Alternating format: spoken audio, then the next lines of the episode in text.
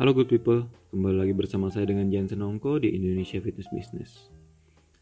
Kita sebagai seorang pelatih kebugaran atau pemilik fitness business itu harus mampu menunjukkan kepada konsumen kita atau kepada klien kita bahwa kita terus belajar masih ingin menambah ilmu masih mengikuti course, masih mengikuti pelatihan-pelatihan yang ada di dalam maupun di luar negeri. Kenapa? Karena klien yang melihat apabila kita masih terus menimba ilmu, itu akan memberikan respect yang lebih besar daripada yang tidak. Jadi begini, kebanyakan seorang coach atau fitness business owner itu malu untuk mengakui mereka masih harus belajar atau mengambil pelatihan-pelatihan. Itu justru sebaliknya. Kenapa? Seperti yang saya jelaskan tadi, klien atau anggota member itu akan memberikan value lebih. Asal kita juga mampu menjelaskan bahwa apa yang kita lakukan, terutama belajar, itu kita lakukan untuk mereka, untuk kebaikan mereka, untuk dapat memberikan jasa yang lebih baik, atau apa pun itu yang berhubungan dengan jasa yang kita tawarkan kepada mereka. Nah, di saat si klien mengetahui apa pun effort yang kita lakukan, terutama belajar ini ya, adalah buat mereka, mereka pun akan lebih merasa diperhatikan. Jadi jangan pernah khawatir untuk mengatakan bahwa kamu masih harus terus belajar karena ilmu itu terus berkembang. Kamu bisa jelaskan itu satu. Dan kedua, dengan belajar lagi itu sebenarnya adalah strategi yang paling mudah, paling efektif apabila kamu ingin menaikkan harga dari jasa yang kamu punya. Kendala yang saya temui di beberapa coach di lapangan adalah mereka kesulitan untuk menaikkan jasa dari pelatihan, jasa dari uh, jasa kebugaran yang mereka tawarkan ke konsumen karena tidak punya alasan spesifik untuk menaikkannya.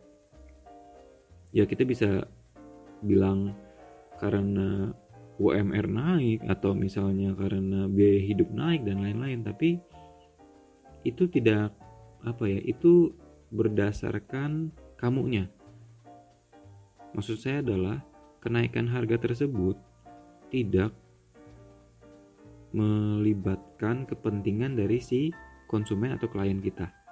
Nah, kalau kita mengatakan kita belajar untuk mereka sehingga mereka merasa diperhatikan, tapi kalau misalnya kita bilang harganya naik karena ya tarif listrik naik, kemudian kebutuhan hidup naik, itu seperti membuat mereka harus membayar lebih. Ya walaupun sebenarnya nggak apa-apa juga, cuman kurang efektif membayar lebih terhadap jasa kita. Jadi ingat, di saat kamu mau melakukan sesuatu itu harus uh, oriented ke konsumen. Bukan ke oriented ke kita. Ya salah satunya dengan belajar ini. Untuk belajar sendiri itu bukan berarti setiap kali kita belajar dinaikkan harganya ya. Luar biasa nanti mahalnya nggak nggak nggak make sense juga. Nah dalam menambah ilmu untuk mengembangkan diri itu ada baiknya melakukan dokumentasi. Karena bagaimanapun juga kalau si konsumen tidak melihat kita sedang belajar struggling bahkan struggling mempelajarinya itu justru harus didokumentasikan dikomunikasikan juga. Karena bagaimanapun juga yang namanya belajar kan nggak semuanya bisa langsung wah hebat wah hebat wah coach saya yang paling jenius yang terbaik di kelas. Enggak tapi mereka akan lebih value di saat melihat coachnya struggling tapi masih mau belajar. Nah ini menyentuh sisi emosional dari klien kita. walaupun ini ya sebenarnya benar-benar struggling di saat belajar ya karena tidak semua materi mudah untuk dipelajari point of uh, point of talk saya adalah dokumentasi itu penting menunjukkan kepada publik calon klien atau existing klien bahwa kita berjuang untuk mereka jadi jangan pernah malu. Untuk seorang coach menimba ilmu menambah ilmu belajar lagi ya. Nah bagaimana kalau misalnya si coach ini sudah let's say serba bisa sudah belajar semua hal? Ada yang disebut dengan refresh yaitu belajar kembali ilmu yang pernah dipelajari. Ada beberapa manfaat dari belajar refresh ini.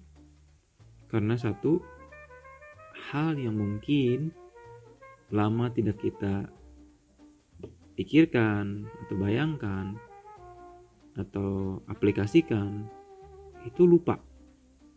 Sehingga membuat ilmu-ilmu yang sudah dipelajari juga tidak tidak ini ya hmm, hilang hilang begitu saja.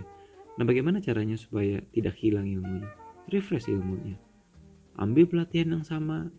Kembali lagi mengambil yang pernah diambil. Refresh ilmu.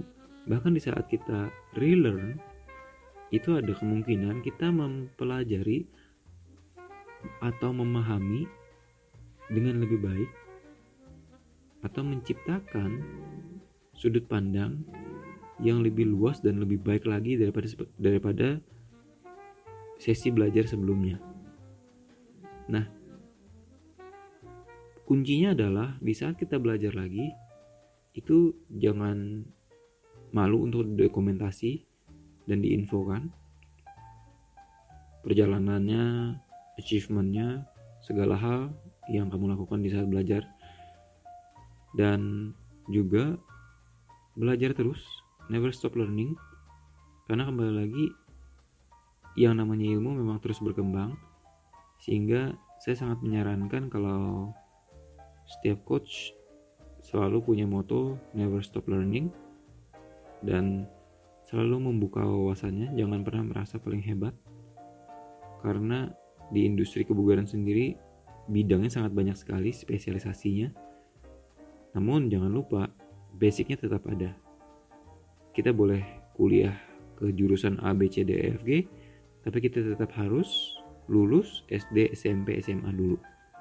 Maksudnya adalah foundation jangan sampai terlupakan sampai langsung mengambil penjurusan langsung.